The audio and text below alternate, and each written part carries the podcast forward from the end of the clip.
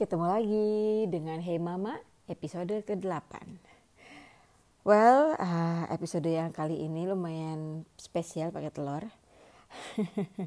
Karena terima kasih kontribusinya tentang uh, satu topik yaitu soal persahabatan. Kemarin sempat gue bikin uh, di IG gue, Rianari Pertanyaan pengalaman apa yang paling pahit yang pernah kamu alami soal persahabatan dan ya ampun, pahit-pahit banget ya, Bo. Postingannya. Ya udah kita bahas satu-satu ya. Oke, banyak banget yang posting urusan utang nggak dibayar. Jadi uh, yang kadang-kadang itu memang bikin tricky ya teman atau sahabat atau malah kadang-kadang teman yang udah lama gak ketemu terus ketemu-ketemu pengen pinjam duit gitu nah gue karena sudah pernah ngalamin hal yang sama jadi ceritanya tadinya niatnya mau nolong teman karena dia harus kawin karena udah hamdan ATT alias hamil duluan. Terus dia harus kawin tapi nggak dibiayain sama keluarganya jadi ceritanya gue pinjemin uang lah gitu.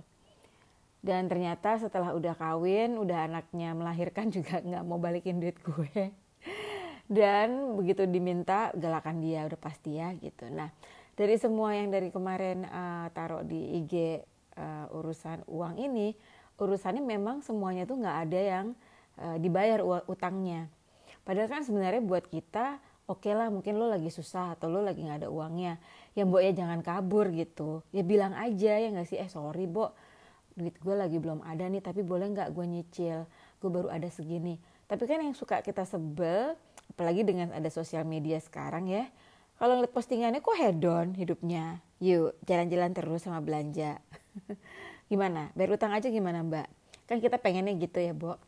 Jadi solusi buat kamu kalau misalnya ada teman yang apalagi kalau bukan sahabat yang deket banget kalau gue sih prinsipnya kalau itu memang deket banget tanpa dia minta mungkin gue akan tawarin uang. Walaupun mungkin gak sebanyak yang dia perlu tapi karena gue tahu dia perlu banget gitu. Nah kalau yang yang deket-deket banget atau gue lo nggak yakin bahwa uh, daripada ntar hilang persahabatan urusan uang mendingan kasih aja semua nomor telepon KTA KTA yang uh, telepon dan SMS tiap hari itu. Kan mereka memang sudah menawarkan fasilitas untuk meminjamkan uang kan gitu. Jadi ya udah sama aja toh dapat uangnya juga gitu. Malah lebih aman gitu loh. Karena kan emang uh, ya persahabatan jadi masih jalan ya terus ya, teman kamu memang akhirnya bisa dapetin uang yang dia mau gitu. Tapi problemnya kalau pinjam uang sama KTA kan harus bayar ya bu kalau sama temen bisa kabur. Ouch. Anyway oke okay. next. Banyak banget juga yang IG urusan korban temen makan temen backstabbing lah ada juga yang tulis di depan manis di belakang nusuk di depan manis di belakang diomongin. Yang kayak gitu deh. Agak-agak kanibal ya bu ya temennya suka makan temen.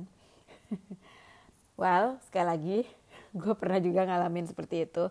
Malah pernah zaman dulu gue pernah minta maaf sampai uh, gue nggak tahu sebenarnya gue minta maaf buat apa gitu. Cuman ya sebagai orang yang selalu bilangnya kayak gue harus introspeksi diri harus introspeksi diri. Ya udahlah ya minta maaf aja ya. Tapi lama-lama sekali lagi karena gue juga sudah lumayan matang umurnya. Lama-lama gue sadar gitu ya Bo. Kenapa juga gue yang harus mengalah terus gitu? Kalau emang dia yang gak happy ngeliat hidup gue kenapa mesti gue yang feel guilty ya? Kalau dia itu ternyata punya cowok brengsek dan cowok gue baik terus dia jadi ngomongin gue di belakang kok salah gue? Kalau gue dapat promosi kerjaan lebih tinggi dan dia nggak dapet terus dia akhirnya ngomongin gue salah gue juga. Oh atau ini lagi. Misalnya kayak ya karena gue belum kawin gitu misalnya. Terus gue nggak punya anak gue bisa jalan-jalan gue bisa traveling. Well ini juga ada di salah satu curhatan. Terus lo ngomongin kita gitu karena lo ah, nggak uh, punya anak nih gitu. Enak banget jalannya cuma ngambur-ngamburin duit. Ya kan nggak pakai duit lo juga ya bo? Kan pakai duitnya dia. Kenapa juga repot? So guys kalau punya teman-teman yang kayak gitu gue sih punya kesimpulan banyak banget orang-orang yang sebenarnya nggak happy sama hidupnya tapi nggak mau ngaku. Nah karena dia nggak mau ngaku dia kan harus merasa lebih baik ya. They have to feel good about themselves. Jadi salah satu caranya adalah bikin orang lain uh, kesannya hidupnya miserable. Dengan menjatuhkan orang lain dia berharap dia akan merasa lebih baik gitu tentang kehidupannya dia sendiri. Kalau gue sih zaman dulu gue masih agak lumayan sabar ya sama orang-orang kayak gitu tapi sekali lagi karena gue sudah umurnya lumayan banyak ya gue udah nggak ada waktu lagi yang kayak gitu-gitu. Ya udah kalau memang hidup gue tuh kayaknya bikin lo sengsara ya nggak usah follow aja Instagram gue gak usah follow aja Facebook gue repot amat ya gak sih? Kalau ternyata ketemu gue juga sangat membuat lo tersiksa ya udah kita temenan aja tapi gak usah sahabat gimana? Gitu bu oke ada juga yang kalau ini gue nggak pernah ngalamin tapi gue bacain aja karena menurut gue ini kayaknya bu serem amat. Batal nikah yang diganti cuma nama aku aja di undangan. Sahabat aku nikah sama pasangan aku dulu di tanggal yang sama. Aduh gue bacanya aja kayak pengen gue keramasin pakai wasabi bo. Tapi well see the good side at least sekarang uh, kalau tuh orang bisa begitu sama lo dan sama sahabat lo bisa aja tuh orang brengsek ya gak sih bo? Jadi ya udah tenang. Masih banyak laki-laki atau ya kayaknya cewek nih yang nulis. Masih banyak laki-laki di luar sana oke? Okay? too many men too little time. Santai aja. Oke okay. terus ada juga yang urusannya sirik. Kalau misalnya kehidupan uh, kita lebih baik ya yes, yang tadi gue bilang ya uh, punya promosi kerjaan lebih oke okay, atau lo tiba-tiba dapat suami kaya ya nggak sih? Kan bukan salah lo ya. Kan dia kan milih suaminya sendiri kan bukan lo yang nyodohin. Kenapa juga dia bete lo dapat suami yang kayaan? Atau dapat pacar yang lebih kaya? Jadi kadang-kadang kita itu suka nggak enakan. Tapi gue kadang-kadang juga bingung kenapa juga ya kita nggak enakan? Kan kita nggak ngutang sama dia ya Bo. Kan pilihan hidup dia itu adalah pilihan hidup dia. Gitu. Dia yang milih sendiri bukan kita yang pilihin kenapa juga kita mesti nggak enakan ya sama dia gitu. Tapi itu memang orang Indonesia banget sih suka nggak enakan gitu. Terus oh ya ada satu lagi nih yang agak lumayan uh, lucu dan nggak lucu sih cuma maksud gue uh, sering banget uh, ada orang yang marah sama kita, sahabatnya marah, tapi dia nggak tahu marahnya gara-gara apa. Jadi tiba-tiba sahabatnya ini ya cus aja gitu, cabut gitu, kayak udah nggak temenan lagi gitu. Dan itu bikin tanda tanya semua orang. Why does the sun go on shining? Padahal ya kan sebenarnya kalau misalnya dia bilang aja sama kita, misalnya mungkin aja kita salah ngomong atau ya namanya juga nggak sengaja ya boy kasih tahu aja lah yang namanya juga sahabat kan kita kan selalu bisa bilang minta maaf ya nggak sorry deh bo kemarin gue nggak sengaja atau apa tapi kan kalau kita nggak dikasih tahu ya mana kita tahu emang kita paranormal oke ada satu lagi nih yang lumayan berat. Ada beberapa yang postingnya gini uh, pengalaman pahit soal persahabatan waktu sahabatku hijrah. Sebenarnya sih masalahnya kayaknya bukan di hijrahnya ya karena kan pasti sahabatnya itu uh, berubah menjadi yang lebih baik harusnya ya nggak sih gitu. Tapi memang kadang-kadang uh, pas lagi di momen-momen itu atau di proses itu mereka lebih memilih comfort zone-nya atau orang-orang yang kayaknya lagi pas sama mereka. Nah gue sih bilang ke teman-teman gue yang punya masalah seperti itu gue bilang gini well yang kita harus uh, terima adalah bahwa kebahagiaannya dia saat ini itu tidak termasuk ada kita di situ gitu. Ya kan? Karena kan dia lagi sudah dapetin suatu apa ya namanya ya pencerahan diri kan lebih ke spiritual lebih tepatnya. Jadi itu kebahagiaan dia yang sekarang tapi ya kita harus terima bahwa mungkin kita tidak ada di kebahagiaan yang itu. It's okay. Sebagai teman ya udah.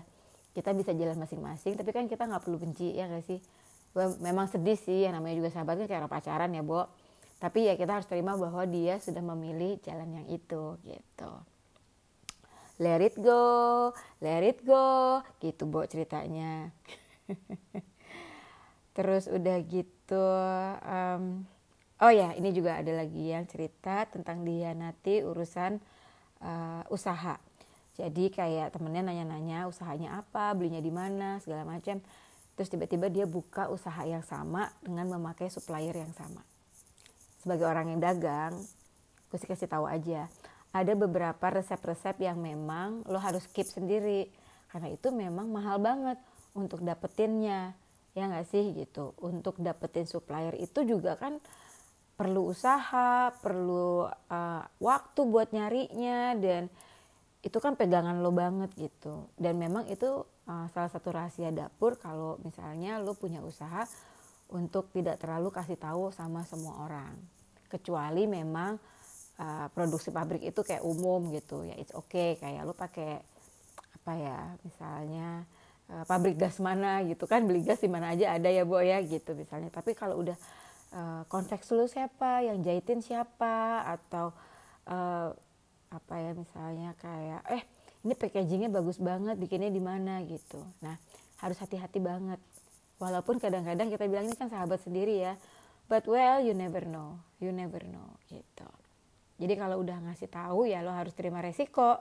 Gitu kalau itu bisa aja kejadian. Gitu deh nek urusan persahabatan. Jadi kesimpulannya sebenarnya gini. Kalau sahabat itu ibaratnya kita itu kayak naik tangga bareng. Ya enggak kita lagi bareng naik tangga ini kan biasanya pegangan tangan ya bu yang namanya juga sahabatan. Naik tangga satu tangga kedua tangga ketiga. Nah kadang-kadang nih ada di tangga keempat sahabatnya nggak mau naik bo. Nggak mau naik tangganya. Tapi kita pengen naik tangga. Yang dilakukan biasanya kita tetap pegangan ya nggak sih?